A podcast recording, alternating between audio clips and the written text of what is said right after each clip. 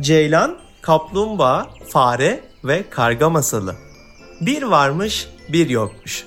Evvel zaman içinde, kalbur zaman içinde hayvanların mutlu yaşadığı bir ülke varmış.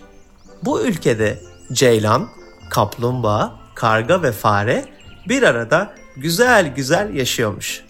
Yurtları uzak, çok uzak bir yerdeymiş. Mutlulukları da bu yüzdenmiş. Günlerden bir gün Ceylan çayırda oynuyormuş. Halinden çok mutluymuş. Ancak birdenbire insanoğlunun en iyi dostu olarak bilinen bir köpek çıkmış ortaya. Tabi arkasından da bir insan gelmiş.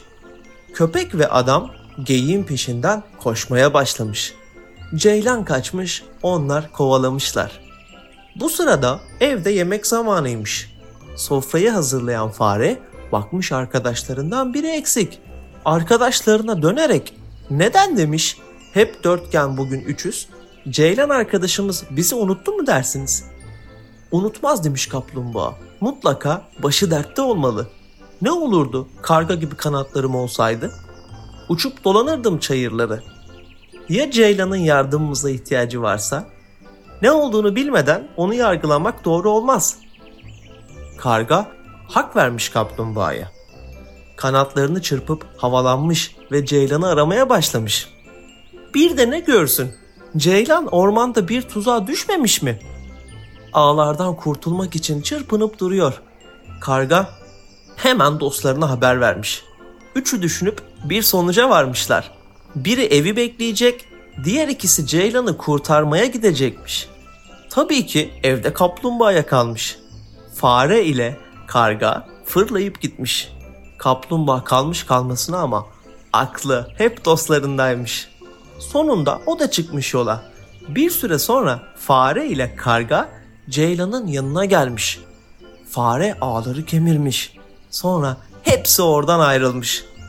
Avcı oraya gelip ağları parçalanmış, tuzağı da bomboş görünce küplere binmiş. Öfkeyle etrafa bakınmış. O sıra kaplumbağayı görmüş. Onu çantasına koymuş. Ceylan bir başka güne kalsın. Biz bu akşam kaplumbağa ile yetinelim demiş. Karga olup bitenleri yukarıdan görmüş. Hemen uçarak olanları Ceylan'a ve fareye anlatmış. Üçü hemen bir araya gelip dostlarını nasıl kurtaracaklarını düşünmeye başlamışlar. Sonunda bir yol bulmuşlar. Ceylan avcının önüne çıkıp kendini göstermiş. Ceylan'ı karşısında gören avcı hemen onun peşine düşmüş. Avcı kovalıyor, Ceylan koşuyormuş. Sonunda avcı yorulup sırtındaki çantayı yere atmış. Fare de bunu bekliyormuş.